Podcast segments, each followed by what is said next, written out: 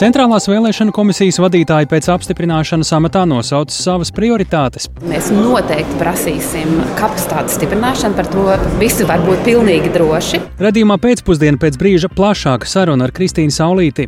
Par Krievijas propagandas veiksmēm un neveiksmēm informācijas karā šodien sprieda NATO strateģiskās komunikācijas izcelības centra rīkotā konferencē. Skaidrosim galvenās atziņas. Un kāpēc februārī aicina pievērst īpašu uzmanību sievietes sirds veselībai veselībai. To visu jau pavisam drīz skaidrosim programmā pēcpusdienā kopā ar mani Tāli Eipuru.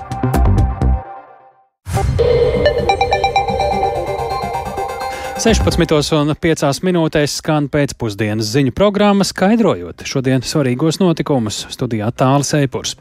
Eiropas centrālā banka būtiski palielinājusi bāzes procentu likmi, tā paaugstināta no 2,5 uz 3%. Jaunās likmes būs spēkā no 8. februāra. Jāatgādina, ka ņemot vērā augsto inflāciju Eirozonā un citus apstākļus, procentu likmes Eiropas centrālā banka palielinājusi jau piekto sanāksmi pēc kārtas, un mērķis ir panākt, lai inflācija atkal atbilstu 2% rādītājiem. Piedevām paziņots, ka ņemot vērā inflācijas spiedienu nākamajā monetārās politikas sanāksmē martā, procentu likmes paaugstinās vēl par 50 bāzes punktiem. Andris Lāriņš, Seibankas finanšu tirgus pārvaldes vadītājs pie redzījuma pēcpusdienu klausulis. Labdien! Labdien! Ko eksperti gaidīja, ko sagaidīja un kā tas īsumā vērtējams jūsu skatījumā? Um, ņemot vērā to, ka inflācija nu, pagājušā gadā tika sasniegta rekordā līmeņi, uh, tad, protams, tika gaidīta arī turpmāk Eiropas centrālās bankas agresīva rīcība un procentu likuma paaugstināšana. Uh, Jo īpaši pēc decembra sapulces, kad centrālās bankas vadītāja apsolīja, neskatoties uz inflācijas, ja cenu kritumu, nu, cenu kāpumu bremzēšanās, viņi tomēr apsolīja, ka likmes cels, un tad uh, tirgus arī šobrīd sagaidīja to, ko centrālā banka bija solījusi - 50 bāzes punktu paaugstinājumu, kā jūs minējāt, bāzes likme no 2,50 uz 3%. Lai mēs labāk saprastu to, kas cilvēkiem visvairāk šobrīd interesē, ir ikmēneša maksājumi viņu kredītiem, cik stāvs šis kāpums varētu būt pēc šīs dienas paziņojuma. Nu, es nezinu, mēs varbūt varam paņemt vienu vidējo hipotekārā kredīta ņēmēju ar kādu pie, izdomātu piemēru, bet lai mēs saprastu būtību. Godīgi sakot, ir jāņem vērā tas, ka Eiropas centrālā banka nosaka to, atsau, uz ko tirgus skatās, tā ir vienas dienas likme, un tālāk jau, kas ir, piemēram, kreditēšanā, kur piemēro 3, 6 un 12 mēnešu likmes, viņas jau tā kā mēģina uzminēt centrālās bankas turpmāko rīcību. Un ņemot vērā to, ka centrālā banka decembrī deva mājienas, kad vismaz pāris reizes varētu celt, nu, nu tā kā jau ar pārliecību šīs likmes tirgu, šīs likmes šos kāpumus jau ierēķināja, kas nozīmē to, ka tuvākajās dienās nevajadzētu būt novērojamiem būtiskiem procentu likuma kāpumiem, tas pats 3, 6 vai 12 mēnešu eiribor likums, jo tāds solis bija gaidīts. Protams, tie, kas skatās tālāk uz gadu, gada likme, ja, kura šobrīd jau ir 3,4% līmenī, uh, Viņa var pakāpties, bet varbūt mazāk, savukārt trīs mēnešu likme, kas ietver tuvāko trīs mēnešu periodu, viņa varbūt arī var drusciņi vairāk pakāpties, jo viņai jāierēķina tas, ko izdarīja tagad un, un tas, ko centrāla banka varētu solīt attiecībā uz martu un turpmākiem mēnešiem. Mēs arī no, ja mēs... Jā, lūdzu. Jā. Nē, nē, es gribēju teikt arī to, ka lielākais un straujākais procentu likuma kāpums šķiet ir aiz muguras. Šobrīd piesardzīgi runā par mārtu, un tas arī nav garantēts. Skaidrs, ka ja inflācijas tendencēs būs pozitīvas, nu vēl pozitīvāks pārmaiņas nekā šobrīd, viņi var arī mainīt savu viedokli un, varbūt mazāk paaugstināt likmi. Bet tā pašā laikā jā, jāatzīmē, ka ir arī riski, ka tas kāpums varbūt arī pēc tam nākamajās sapulcēs. Tā kā centrālā banka nu, viņa, viņa pati arī pieņem lēmumus balstoties uz aktuāliem datiem, kurus diezgan grūti šādā situācijā prognozēt. Šobrīd vai pie līdzšinējiem paaugstinājumiem, kā mēs minējām, piecas sēdes pēc kārtas, tas jau ir noticis, var redzēt eh, jau būtisku vai pietiekami ievērojumu ietekmi uz inflāciju šīm procentu likuma kāpumam? Primāri Centrāla banka atzīst, ka ir vērojams tendenci izmaiņas kreditēšanā, bet, protams, tas, ka inflācija šobrīd pazeminās vairāk, ir pateicoties energoresursu cenu izmaiņām, jo, ja mēs skatāmies, ka gāze sasniedz rekordu līmeņus pagājušā gadā un šogad atkāpusies uh, no šiem rekordu līmeņiem, tas, protams, velk uz leju inflācijas rādītājus bet uh, virkne šī cenu kāpuma viņi parādīsies vēlāk, jo skaidrs, ka mēs saņemam tos rēķinus, mēs redzam, ka mums pieaug izmaksas, uh, tad mēs, protams, arī pēc tam uh, tā produkcija pakalpojumi, kas tālāk tiek uh, pasniegt, arī sadārdinās. Un uh, mēs uh, uzskatām, ka centrāla banka monitorē šo situāciju. Valdību pabalsti arī palīdz slāpēt inflāciju, kas nozīmē pabalstiem beidzoties arī varētu nu, tās cenas savādāk uzvesties. Attiecīgi šobrīd viņas tiek bremzētas ar pabalstiem. Un uh, iedzīvotājiem kādi varētu būt ieteikumi, kā reaģēt uz šādām ziņām? Daudziem jau iespējas samazināt izdevumus ir izsmeltas vai tuvu tam. Uh, te var vērsties droši vien ar skatienu un interesi un uh, sarunu pie bankas. Tas droši vien ir vairāk domāts par nu, teksim, izdevumiem. Ja, ja mēs runājam kredītu pusē, tad, Jā. protams, ja rodas, rodas problēmas atmaksāt, ja maksāt procentus, kuri da, da, lielā, nu, daļā, daļā gadījumā ir div, divkāršojušies gadu laikā, tad, protams, nevajag gaidīt, tad, kad nevar samaksāt, bet labāk laicīgi pārskatīt šos maksājumu grafikus. Jo, protams, ka var pamainīt grafiku atbilstoši līguma nosacījumiem un samazināt to spiedienu uz izdevumiem vienkārši, nu, pēc, pēc šim, galvenais ir runāt un, un risināt šos jautājumus pirms sākās problēmas. Lielas paldies par sarunu Andris Lāriņš, SEB bankas finanšu tirgus pārvaldes vadītājs. Tikmēr Latvijā ir novērota jauna un pozitīva tendence, kā to vērtē eksperti bažās par Eiriboru likmju kāpumu iedzīvotāji vēlas dzēst hipotekārās saistības pirms termiņa. Plašāk Agnijas Lāsdiņas ierakstā. Pieaugot eiriboru procentu likmei, pieaug arī kredītņēmēju uztraukums, jo palielināsies viņu ikmēneša maksājumi. Nu, protams, banka piedāvājot informē, nu, ka tas var mainīties. Es par to, ja tā godīgi diezgan man domāju. Un tagad, kad sāka celties, tad es sāku saprast, ka, nu, jā, tas būtiski var ietekmēt to atmaksas apjomu. Ar šādu stāstu dalījās sieviete, kurai šobrīd ir hipotekārais kredīts. Viņa atceras, laikā, kad to ņēma, Eiribor likme bija 0%, un, lai gan tad daudz par to nedomāja, tik un tā papildus veidoja arī naudas uzkrājumu. Daļu no kredīta summas viņa šobrīd ir izvēlējusies apmaksāt. Parēķināju, ka pie tā pieauguma un ka nav skaidrs, vai tas Eiribors vēl nekāp, ja man ir uzkrājums, man man ir izdevīgāk tomēr kaut kādu daļu nosekt, lai tas procentu maksājums samazinās. Arī bankas citadela dati liecina, ka pagājušā gada decembrī pieprasījums pēc iespējas dzēst hipotekāro kredītu pirms termiņa pieauga par 80%. Tie pārsvarā ir tādi, kuriem vai nu šis hipotekārā kredīta termiņš jau iet uz beigu pusi, un šī summa nav atlikusi liela, vai arī paralēli kredīta maksājumam iedzīvotājs ir veicis uzkrājumus, lai veiktu rezerves, un tad šos līdzekļus šajā brīdī izmanto, lai daļēji, piemēram, atmaksātu kredītu. Citadela arī neliek šķēršļus ātrākai kredīta dzēšanai. Klientiem jāatmaksā kredīta pamatsummas atlikums un ikmēneša procenti noteikošā mēneša sākuma līdz dienai, kad veids izmaksu. Procenti tiek rēķināti katru mēneša dienu. Piemēram, ja atmaksā mēneša piektajā dienā, tad pamatsumma plus procenti par piecām dienām.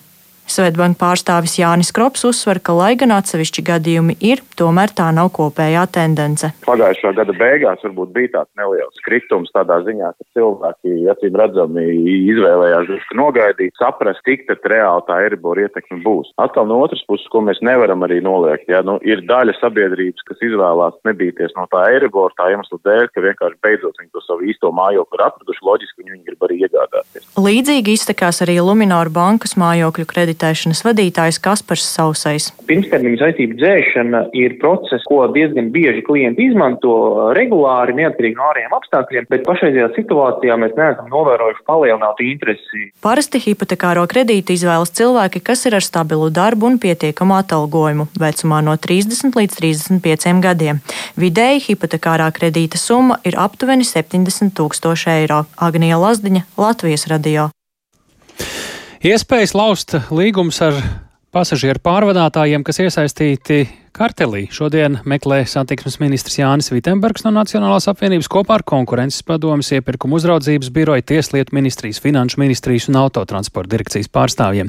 Kā zināms, konkurences padoma par aizliegtu vienošanos reģionālos eh, pasažieru pārvadājumos janvāra sākumā piemēroja gandrīz 2 miljonu naudas sodu kopā trim reģionālajiem pasažieru pārvadātājiem Liepājas autobusu parks, Nordeka un Latvijas sabiedriskais autobus. Satiksmes ministrs šobrīd pie raidījuma pēcpusdienu klausulas. Labdien, Vitembērg! Kungs. Sveicināti! Ņemot vērā, ka paši kartelī apsūdzētie nav vismaz publiski nekur uh, lasāms uh, atzītu savu vainu, jārēķinās, ka vēl varētu būt priekšā pārsūdzēšanās un uh, pārsūdzēšanas un uh, vēl tiks vērtēts uh, šīs konkurences padomas lēmums. Kā un uz kādu pamata šādos apstākļos vispār ir iespējams uh, runāt par līgumu laušanu, kādus risinājumus jūs un šodien kopā ar ekspertiem esat arī jau izskatījuši? Jā, nu tā situācija ir eh, gan sarežģīta. Ja man eh, liktos, ka tas ir likumsakrīgi, ja, ja konkurences padome uh, paziņo, ka ir notikušas blēdības vienošanās, lai iegūtu uzvaru šajos konkursos atsevišķajās zonās, nu tad eh, liekas dīvaini, ka šie komersanti var turpināt eh, darbību šajās negodīgi iegūto, iegūtajās eh, zonās, negodīgi uzvarētajā konkursā. Taču, nu, pēc sarunas šodienai, nu, jāsaka, ka tik vienkārši tā situācija, situācija nav, ja, un arī tādēļ arī aicināja pie galda visas iesaistītās puses, lai kopīgi meklētu to risinājumu, kā šos līgumus mēs varētu laust. Un, Te arī divi svarīgi aspekti, nu, ka jāturpina e, cilvēku pārvadājumi, ja, jo cilvēks nedrīkst ciest, viņam ir jābūt iespējai nokļūt e, gan uz darbu, gan skolu, e, pie ārstiem un tā tālāk, un arī valsts nedrīkst pakļaut, tikt pakļaut dažādiem riskiem, kur rezultātā varētu nonākt līdz situācijai, ka mēs izmaksājam šiem negodīgajiem komersantiem uh, kompensācijas, pat ne, ne, negūto peļņu, ja, tā, ka tur ir jābūt diezgan tādai uh, uh, pieeja tādai, kur ir iesaistīti visas puses un kopīgi atrod to risinājumu. Ja, un, Tad līdz kam jūs teikt... šobrīd varētu teikt, ka esat nonākuši? Kādi varianti reālie turpmākai rīcībai ir iespējami? Nu, ir, es teiktu, pēc šīs uh, sēdes ir uh, sadoti virkni mājas darbi. Nu, piemēram, uh, autotransporta direkcija runās ar pārējiem komersantiem par to, kuri būtu gatavi uzņemties, ja šie līgumi būtu lausti un uh, šo uh, zonu pārvadājumus. Ne, vēl par šodienu, nevis par nākotni, par, par līdzšinējiem komersantiem un līguma laušanu, nevis par to, kas būtu viņu vietā. Cik tālu jūs sapratāt, ko šobrīd var izdarīt? Mēs gribētu to turpināt kā reizē par to, ka ATD arī ar Tieslietu ministriju kopā strādās pie šī risinājuma, analizēt, analizējot tos noslēgtos līgumus, ja, tad vai, vai ir pamats, ja, jo tas, tas, kas, tas, kas izskanēja, ka iepriekšējā šī publisko iepirkumu likuma redakcija, kāda bija spēkā, nu, ir bijusi, es teiktu, nepietiekama, ja, vai par, vai par Eh, kā saka, nepilnīgu, ja, lai, lai, lai šajā situācijā varētu droši laust līgumu ar eh, komersantiem, nu, te ir vajadzīgs eh, juridisks izvērtējums no malas, ko autotransporta direkcija arī ir pasūtījusi. Tā kā es teiktu, ka pietiekami sarežģīts process, kurā ir nepieciešama visu pušu iesaist, tādēļ arī šodien viņi tiks augt pie galda. Tad eh, šobrīd eh, pagaidām un eh, visai pārliecinoši šie trīs komersanti turpinās strādāt, un tuvākajā laikā, kamēr vēl varam sagaidīt arī kādas pārsūdzības, nekas de facto nemainīsies. Nu, man nav informācijas, ka šie komersanti būtu gatavi piekāpties, un ir bijusi publiska informācija par to, ka viņi noteikti pārsūdzēs konkurences padomu šo uh, lēmumu, ja, un uh, tas, tas, ko konkurences padoma arī atzīst, ka tieslietu ministrija, tad eh, te, eh, tas, tas rada zināmas problēmas, ja, jo tā varētu būt juridiska interpretācija vai ir iespējams līgums nolaust pirms tiesas lēmumu un eh, pie esošās tās vēsturiskā publiskā iepirkuma likuma konstrukcijas, nu, tur varētu būt zinām sarežģījumi. Tā kā es teiktu, ka uz priekšu ir, ir apņēmība visām pusēm strādāt un meklēt veidus, kā ar šiem komersantiem tikt galā. Paldies par sarunu. Satiksmes ministrs Jānis Vitenbergs eh, raidījumā pēcpusdiena. Vēl par kādu daudzus skarošu izmaksu pieaugumu. Dārgāki pavasarī kļūs vairāki ceļu satiksmes un drošības direkcijas pakalpojumi. Lielākais pieaugums, vairāk nekā 12 reižu, būs maksai par transporta līdzekļu tirdzniecības vietas reģistrāciju. Cik plaši maksu vajadzēs vērt vaļā autovadītājiem, motobraucējiem un citiem CSDD pakalpojumu saņēmējiem un kā izmaiņas vērtējamas, vairāk Viktora Demīdova ierakstā. Atsevišķi ceļu satiksmes drošības direkcijas piedāvāto pakalpojumu tarifi ir nemainīgi vēl kopš laikiem, kad Latvijā iedzīvotājiem makos bija lati. Pa šo laiku cenas ir kāpušas teju it visam. No aprīļa cenas plānots aktualizēt arī ceļu satiksmes drošības direkcijas pakalpojumos. Vislielākās izmaiņas būs par transporta līdzekļu tirdzniecības vietas reģistrāciju, bet tas attieksies tikai uz komersantiem un vairāk uz tiem, kas pārdod lietotu spēkratus. Tagadējo 14 eiro vietā uzņēmumiem, reģistrējot tirdzniecības vietu, vajadzēs šķirties no 174 eiro. Turpina satiksmes ministrijas pārstāve Anna Novikova. Process ir apaudzis ar tādiem diezgan daudz papildus um, segmentiem, proti tā nav vienkārši reģistrācija datu bāzē, tas ietver arī tirdzniecības vietas pārbaudi uz vietas, visi, visu datu pārbaudi, reģistrācijas apliecības izsniegšanu, bet um, es domāju arī, ka šis pieaugums nav kritisks. Nu, Tiesniecības vietas reģistrācija jau nenotiek regulāri. Tas ir vienu reizi uz pietiekami ilgu periodu. Lielākās izmaiņas autovadītājiem būs par pieprasītajiem spēkratu reģistrācijas numuriem, kas satur tikai viena cipara simbolus vai tādu ciparu kombināciju, kur pirmais cipars ir jebkāds skaitlis, un visi atlikušie simboli ir nulle. Cena par tiem pieaugs no 300 līdz 500 eiro. Savukārt ierastajām numuru zīmēm sadārdzinājums ir vien nepilni 2 eiro. Par aptuveni eiro pieaugs B kategorijas vadīšanas eksāmena sadaļa par spēkrata izmantošanu. Plānots, ka tā maksās nepilnus 15 eiro. Turpretim, ja ir vēlme nokārtot eksāmenu uz motocikla, tad pārbaude maksās lētāk. Savukārt tehniskās apskates cena būs vienkāršota. Turpmāk spēkratus vairs neparedz dalīt pa degvielas veidiem, bet gan pa transporta līdzekļu kategorijām, un šis pakalpojums pieaugs vidēji par 10%, kas ir daži eiro.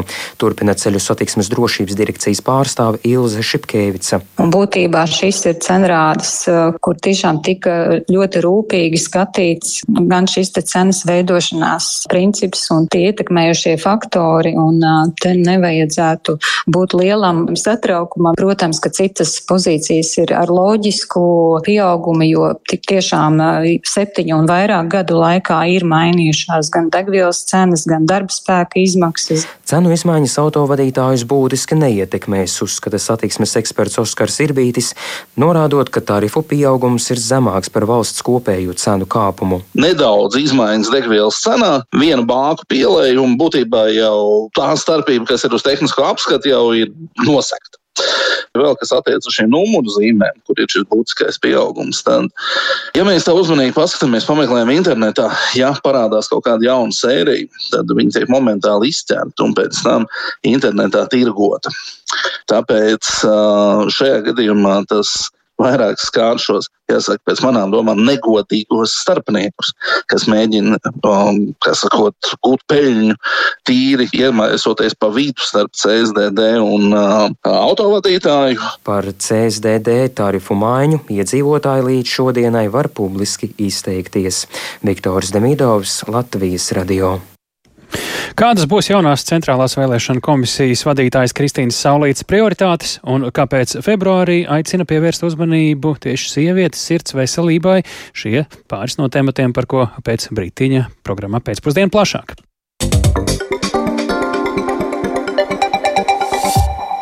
Centrālās vēlēšana komisijas priekšsādātāja samatā saima šodien pēc gana ilgām debatēm ir ievēlējusi bijušo Pasaules Brīvo Latviešu apvienības vadītāju Kristīnu Saulīti. Vienlaikus bez debatēm atbalstīti visu saimas frakciju virzītie septiņi komisijas locekļi. Vairāk Jāņa Kīņča ierakstā. Pirms balsojumiem par Centrālās vēlēšana komisijas jaunā sastāva apstiprināšanu saimā debatas caurvēja līdzinējo CVK problēmu izklāsts. Tajā skaitā darbinieku un finansējumu trūkums. To savā uzrunā uzsvēra arī saimas deputāte Skaidrīta Abram no progresīvajiem. Diemžēl iestādi, kas arī ilgi turēta bada maizē un lūdzējas lomā. Iestāde zaudē profesionāļus, savus jomas entuziastus, kuri strādājuši pārslodzes režīmā, nereikinot darba stundas par niecīgu samaksu. Saimai noteikti jāuzņemas atbildība ne tikai par apstiprināšanu, bet arī par to, lai Centrālā vēlēšana komisija spētu darboties neatkarīgi un efektīvi, jo runa ir par iestādi, kas e, mums nodrošina vienu no demokrātijas būtiskākajām izpausmēm. CVK vadībai izraudzītā Kristīna Saulīta ilgstoši dzīvojusi Austrālijā. Viņai ir pieredze vadošos amatos vairākos privātos uzņēmumos, taču nav prakses valsts pārvaldē. Taču, esot Pasaules Brīvo Latviešu apvienības vadītājai, Saulīta esot kontaktējusies ar dažādām valsts iestādēm. Pašlaik viņa apgūst tiesību zinības Rīgas juridiskajā koledžā, bet pirms 11 gadiem ieguvusi izglītību biznesa vadībā un stratēģijā Harvardas biznesa skolas Sidnejas nodaļā. Vairāki deputāti gan norādīja, ka Saulīte ir vienīgā kandidāta uz šo amatu un novēlēja saglabāt viņai politisko neutralitāti. Turpina Daiga Mieriņa no Zaļo un Zemnieku savienības un Ainārs Šlesers no Latvijas pirmajā vietā. Vai Saulītas kundze būs tik spējīga dažu mēnešu laikā iepazīties un aptvert visas tās problēmas, kas ir nepieciešamas, un lai arī nodrošinātu jau tuvumā esošās Eiropas parlamenta vēlēšanas? Jūs koalīcija virza, bet jūs nedrīkstat būt koalīcijas vadītāji centrālā vēlēšana komisijā. Jums jānodrošina tā, lai visa sabiedrība zinātu, ka centrālā vēlēšana komisija ir neatkarīga institūcija un neviens, ne premjers, ne prezidents, neviens nevar piezvanīt un iejaukties jūsu darbā. Debatēs gan maz piedalījās koalīcijas pārstāvji, tajā skaitā par gatavību uzlabot CVK finansējumu situāciju. Jaunās komisijas pirmais lielais pārbaudījums būs Eiropas parlamenta vēlēšanas nākamā gada pavasarī. Jānis Kincis, Latvijas Radio. Visi var būt droši, ka noteikti prasīsim vēlēšanu sarīkošanai nepieciešamās kapacitātes stiprināšanu. Šādu apņēmību sarunā ar Latvijas radio pauž jaunievēlētā centrālās vēlēšana komisijas vadītāja Kristīna Saulīte. Viņa neuzskata, ka pieredzes trūkums valsts pārvaldē un vēlēšanu rīkošanā traucēs iestādi izcelt no uzkrātajām problēmām. Vienlaikus Saulīte rēķinās ar turpmāku saimas atbalstu. Savā redzējumā par prioritātēm CVK vadībā Saulīte dalījās intervijā kolēģim Jānim Kincim. Divas lielas lietas. Viens ir cilvēki, lai maksimāli dotu vēlētājiem informāciju un lai izglītotu par savām iespējām.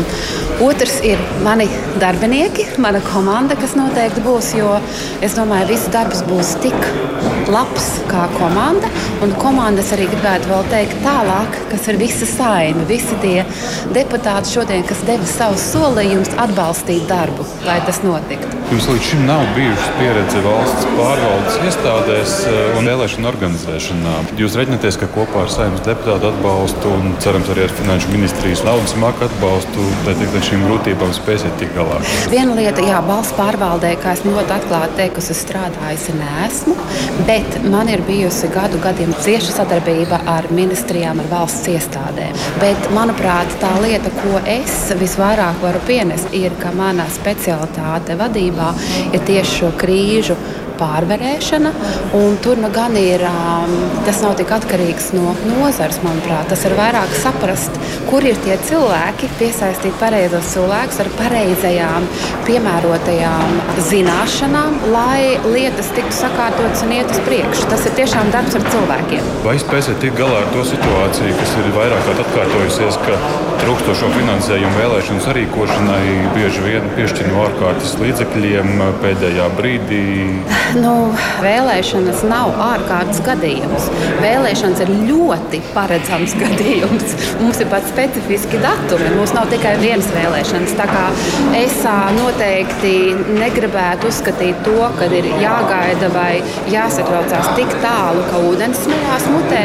Tanī brīdī noteikti pie pareizā moduļa izvēles, kāda tā būs, kā mēs kopīgi nāksim un domāsim, mēs noteikti prasīsim kapacitātes stiprināšanu par to visi var būt pilnīgi droši, bet mēs kopīgi izdomāsim un izstrādāsim, kas tas tieši tāds būs. Tā kā skatīsimies gan uz darbinieku atalgojumu, vai mums ir pareizie cilvēki piesaistīti. Tāpat tās arī komisijas locekļi. Kāds ir katra komisijas locekļa pienesums, jo jau nav tikai ievēlēti atnākt un pasēdēt, vai? Un ar komisijas darbiniekiem, kuru trūkst, arī jau ir sanācis tikties? Nē, tā pirmā lieta būs tā tikšanās ar cilvēkiem. Un pēdējais jautājums. Jūsu domas, vai Centrālā vēlēšana komisija paliktu kā neatkarīga iestāde arī turpmāk, vai tomēr kādas citas iestādes ietvarā, par ko ir radusies um, diskusija? Ir divas lietas. Viens ir Centrālajai vēlēšana komisijai ir noteikti jāpatur politiskā neietekmējamība. Proti, ka mēs esam visiem vēlētājiem, neatkarīgi no viņu vērtībām, no viņu pieredzes, mēs esam tur, lai nodrošinātu, ka notiek demokrātiskas vēlēšanas. Jā, un, protams, kā trūkst šī balss, netiek sadzirdēta. Paceļ jautājumu, vai CVK vajadzētu kādu sadarbības partneri. Kādā formā tas nebūtu šobrīd man piemēroti vai arī atbildīgi teikt tieši ar kuru vai tā būtu saima, vai tur ir izskanējis prezidents. Tā kā es vairāk uzsvērtu to vārdu sadarbība, nevis pakļautība, bet tas ir kopā jāizdomā. Tā jaunā centrālās vēlēšana komisijas vadītāja Kristīna Saulīta sarunā ar kolēģi Jāni Kīnci, bet tik tālu par cilvēkiem jaunos amatos savukārt turpinām par tematu, kur daži krēsli ir sašūpojušies. Eiropas parlaments šodien atcēlas deputāta imunitāti Beļģim Markam Tarabellam un Itālim Andrejā Kocolīno. Abu izdošanu kriminālu vajāšanai prasa Beļģijas iestādes tā dēvētajā Kataras kukuļošanas lietā. Paši deputāti gan noliedz jebkādu saistību ar kukuļņemšanu. Paralēli Eiropas parlamentā turpinās diskusijas arī par reformām, lai veicinātu lielāku atklātību un caurskatāmību. Te vietā piebilst, ka nevalstiskā organizācija Dēlna secinājusi, ka Latvijas Eiroparlamentārieši diezgan kūtri oficiālajā reģistrā publicē savas tikšanās ar dažādu interešu pārstāvjiem. Mūsu Brīseles korespondents Arķems Konohovs interesējās pie Latvijas deputātiem par viņu darbības caurskatāmību. Arķem, kādēļ ir šāda situācija? Vispirms jāsaka, ka Eiropas parlamenta deputātiem nav jāreģistrē visas tikšanās, jo viņi sarunājās ar vēlētājiem, viesojās reģionos un dara daudz ko citu. Atklātības reģistrā, kas pastāv visās Eiropas Savienības iestādēs, ir obligāti jāreģistrē tās sanāksmes, kas, kas top veidojot dažādus likumus vai rezolūcijas, un ja tikšanās notiek ar dažādu interešu grupu pārstāvjiem, nu, tad, tad to visu sauc Eiropas parlamentā par ziņojumiem. Bet vairums no Latvijas ievēlētiem eh, deputātiem nekā nekādas tikšanās trīs gadu laikā nav reģistrējuši. Tas, protams, raisa jautājums, kādēļ ir izveidojusies šāda situācija. Bet pirms nonākam pie viņu atbildes, paklausīsimies, ko ir sacījis Eiropas parlamenta zaļās grupas deputāts no Vācijas Daniels Freins par to, kāpēc ir būtiski atklāt deputātu tikšanās ar dažādu interešu grupu pārstāvjiem. Lobbying is not a bad thing in itself. Lobēšana pati par sevi nav nekas slikts. Mums ir nepieciešami lobby un īpašo interešu pārstāvji. Parlamentārā demokrātija var darboties tikai tad, ja mēs runājam ar daudziem cilvēkiem. Ja, piemēram, mēs veidojam likumu par to, kādam ir jābūt putekļa sūcēja enerģijas patēriņam, tad mums ir jārunā ar uzņēmumiem, kas ražo putekļa sūcējus, ar vidas nevalstiskajām organizācijām, varbūt arī ar kādiem patērētāju sargiem. Līdz ar to beigās mēs cerams nonāksim pie informēta lēmuma un nobalsosim. Tikties ar lobbyiem nav nekas apkaunojošs, bet tam ir jābūt caurskatāmam. Protams, šādās tikšanās reizēs klāt nevajadzētu būt arī nekādiem naudas maisiem. Changing hands in the process. Statistiku par sanāksmēm ir apkopojusi starptautiskā pretkorupcijas organizācija Transparency International, ka, International kas Latvijai pazīstama kā Dēlna, un jāsaka, ka deputāts Freins agrāk strādāja šajā organizācijā. Jā, Arķom, un jā, tieši par Latvijas eh, Eiroparlamentāriešiem runājam, kā viņi skaidro šo savu tikšanos neuzrādīšanu.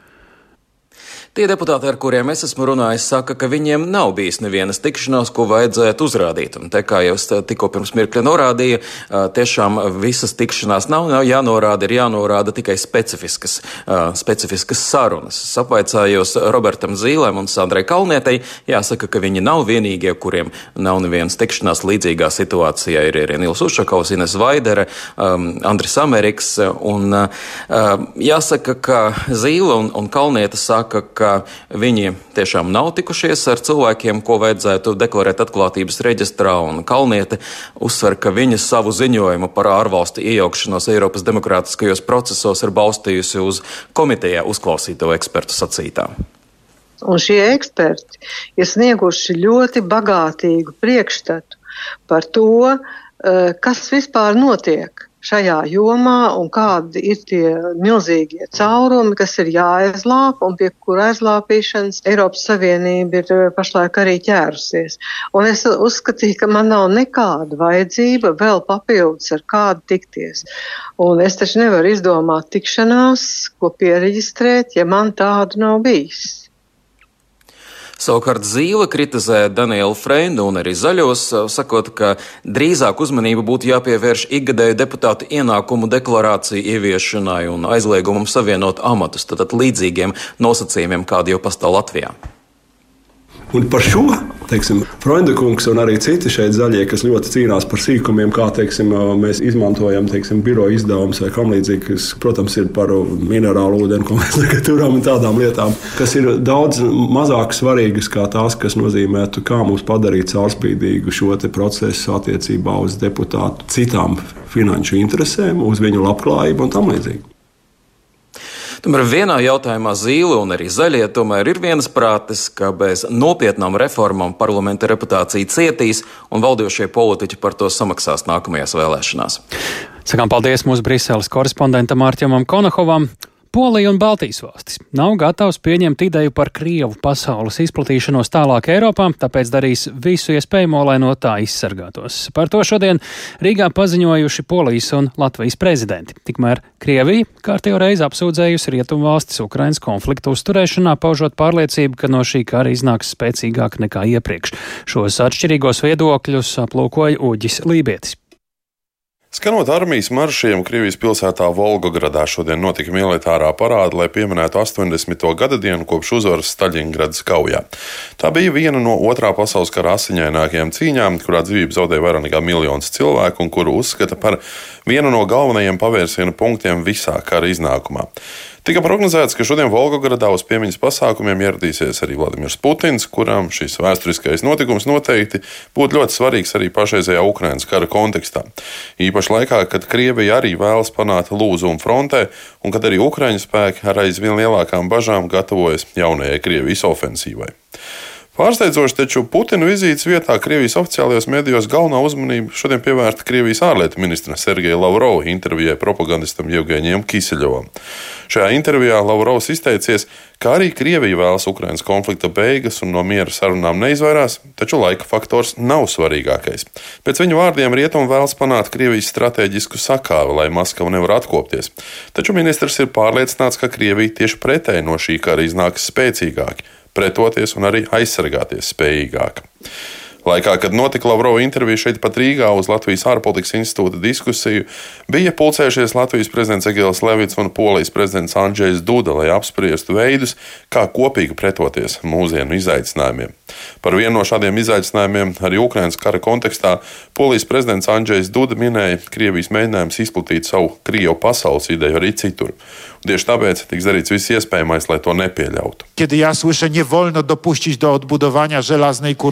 Es dzirdu sakām, ka dzelzs priekškaru nedrīkst atjaunot. Es kā polijas prezidents ar visu atbildību varu teikt, es esmu gatavs šādu dzelzs priekškaru uzcelt, ja man būs nepieciešams stāties pretī agresīvai valstī pie mūsu austrumu robežām, kas vēlas iznīcināt savus kaimiņus, kas grib sagrābt viņu zemes un atņemt viņu brīvību. Šādā gadījumā es es esmu gatavs uzcelt dzelzs priekškaru līdz pašām debesīm, lai tikai noturētu viņus tālāk un lai mēs varētu dzīvot mierā un kā gribam. Un mēs gribam dzīvot rietumos, nevis austrumos. Mēs par to esam cīnījušies jau kopš otrā pasaules kara, kad Krievu spēki parādījās Polijā un sākās otra okupācija, šoreiz Krievu. Mums gandrīz 50 gadu nebija pilnīgas neatkarības, un mēs atradāmies zem padomju savienības spiediena. Mēs esam sevi atbrīvojuši un nekad negribēsim tā atjaunošanos. Mēs nevēlamies Krievu pasauli. Paturiet savu Krievu pasauli sev, ja jums tā patīk. Mums ir savējā. Jeżeli się jej podoba, nam się nie podoba. Dienā, kad Kijavā Ukrainas prezidents Volodimirs Zelenskis aicināja Eiropas Savienību pastiprināt un pātrināt sankciju ieviešanu pret Krieviju, Rīgas diskusijas laikā Andrzejs Duda atgādināja, ka dažādu Eiropas valstu attieksme pret karu Ukrainā un arī Krievijas nodomiem joprojām ir ļoti atšķirīga. Tāpēc gan Polijas, gan Baltijas valstu uzdevums un pienākums ir arī turpmāk regulāri un aktīvi stāstīt par to, ko varētu nozīmēt Krievijas impēriskās ambīcijas. Uģis Lībijams, Latvijas radio. Par to, kā Krievijai veicis vai neveicis informācijas karā, šodien sprieda NATO strateģiskās komunikācijas izcilības centra rīkotā konferencē par ekspertu secināto stāstīja Eva Puķa. Kremlis pēdējos 20 gados ir spējis izveidot industriāla izmēra dezinformācijas un propagandas sistēmu, saka lietuviešu pētnieks Viktors Daugšs. Kopā ar to nāk nauda. 2021. gadā viņi tērēja 1,5 biljonus ASV dolāru tikai šiem dažiem kanāliem. Pētnieks min pirmo Krievijas telekanālu, kanālus RT, Rasija Sivodņa, aģentūru TAS, telekanāla Zviezda, Krievijas televīzijas un radio uzņēmumu VGTRK. Laikā no pagājušā gada janvāra līdz martam finansējums masu medijiem no Krievijas valsts budžeta trīskāršojās, salīdzinot ar attiecīgo periodu gadu iepriekš. Savukārt neatkarīgie mediji Krievijā pēc Ukrainas kara sākuma tika pilnībā izskausti, padzīti no valsts un nosaukti par ārzemju aģentiem, bet palikušie atrodas stingrā kontrolē. Tas ir ierocis, tie nav mediji. Ir pat grūti tos definēt kā medijus, jo tie nav tādi. Viktors Daugšs, viens no konferences Kā zaudēt informācijas karā lektoriem, pārstāv Debank, Lietuvā dibināto domnīcu, kas analizē autoritāros režīmus un dezinformācijas tīklus. Krievijas situācija bija Debanka pētījuma fokusā jau ilgi pirms Ukrainas krīzes. Monitorējot propagandas medijus piecus mēnešus pirms Krievijas invāzijas un vienu mēnesi pēc, pētnieki tajos fiksēja šādus galvenos Kremļa narratīvus. Krievijai ir jārēģē uz apdraudējumu savai drošībai, rietumi ir morāli pagrimuši, Ukrainas līderība nav leģitīma un šī valsts gatavo militāru uzbrukumu Krievijai. Ukraiņi izdara kara noziegumus, Krievija ir stipra un pašpietiekama, kā arī NATO rada apdraudējumu Krievijai. Konferences namatēvs NATO strateģiskās komunikācijas izcilības centra direktors Jānis Sārts skaidroja, ka arī viņa birojas ar sadarbības partneriem jau pirms Ukrainas kara sākuma sekoja, kādas atbalstis militārajai eskalācijai ir informācijas telpā. Viņi vēlējušies arī saprast, kāpēc informācijas karš Krievijas iekšienē joprojām ir tik veiksmīgs. Vai mēs agresoru valsti varam dēvēt par informācijas kara uzvarētāju jeb zaudētāju? Jautāju Jānim Sārtam. Mēs redzam, ka pēc datiem viņiem neveic informācijas karā Eiropā un Ukrainā. Tas ir tas, kur viņi visvairāk gribēja, lai viņi veicās, un kas ir viņu tāds liels mērķis. Bet Krievijas iekšienē, jā, tur jāatzīst, viņi spējuši būt uh, efektīvi un spējuši noturēt kontroli pār situāciju. Un ne Ukrāņu, ne rietumu mēģinājumu teikt, uzlauzt šo informācijas telpu nav vainagojušies ar pietiekamiem panākumiem. Šī gada laikā pasaule ir dramatiski mainījusies. Esam atskāruši, ka miers un drošība Eiropā nav kaut kas pašsaprotams, secina Jānis Sārts. Nevis hibrīdkarš, bet brutāls vecā stila karš ir kļuvis par realitāti. Mums ir jāizpēta visi šīs invāzijas aspekti un jāmācās no tiem. Ieva Puķa, Latvijas radio. Lai pievērstu uzmanību sievietes sirds veselībai, stāstītu par izplatītākajiem riskiem un veselīgu dzīvesveidu, biedrība par sirdi.lv kopā ar kardiologiem un Stradiņas slimnīcu šomēnes rīko sievietes sirds veselības dienas. Esam sazinājušies ar Ines Mauriņu, biedrības par sirdi.lv vadītāju. Labdien! Labdien! Lai saprastu, kāpēc ir svarīgi rīkot tieši sievietes sirds veselības dienas, sakiet, ar ko sieviešu sirds veselības riski un pazīmes atšķiras no vīriešu sirds veselības. Eh, jā, daudz kas ir līdzīgs. Eh, tomēr agrāk tika uzskatīts, ka sievietēm daži simptomi atšķirās. Tomēr eh, patiesībā jaunākie pētījumi parāda to, ka sievietēm var būt pavisam atšķirīgi sirds slimības simptomi, vai tie pat īsti nav jūtami. Un tāpēc nerad tieši sievietes ir tās, kuras par savām slimībām uzzina, kad jau ir attīstījušās kādas nopietnākas komplikācijas, piemēram, neārstēt augstu asinsspiedienu vai augstu holesterīnu rezultātā cilvēkam vai notiek jau infarkts vai ir kādas citas veselības komplikācijas, arī sirds mazspēja un tam līdzīgi. Ja vīriešiem vairāk tās ir tādas izteiktākas sāpes krūtīs, tad sievietēm tās varbūt arī sajūtas, kas, lie, kas liecina par diskomfortu, sliktu dušu, tiepšanu, nogurumu, arī bezspēku, un tāpēc neredz sievietes vienkārši palaiž garām šos simptomus un nevēršās pie ārsta. Tas, ko mēs vēlamies tāpēc mudināt, ir arī tad, ja simptomi nav, to var drošības labad vērsties vispirms pie sava ģimenes ārsta, pārbaudīt veselību un, ja nepieciešams, nepieciešams arī veikt tālākus izmeklējumus pie kardiologiem. Un parasti sievietes Latvijā statistiski ir pieredzētas, ka daudz uzmanīgāk pret savu veselību attiecas nekā vīriešu vidēji, bet kas notiks sievietes sirds veselības dienās Latvijā, kur un kā?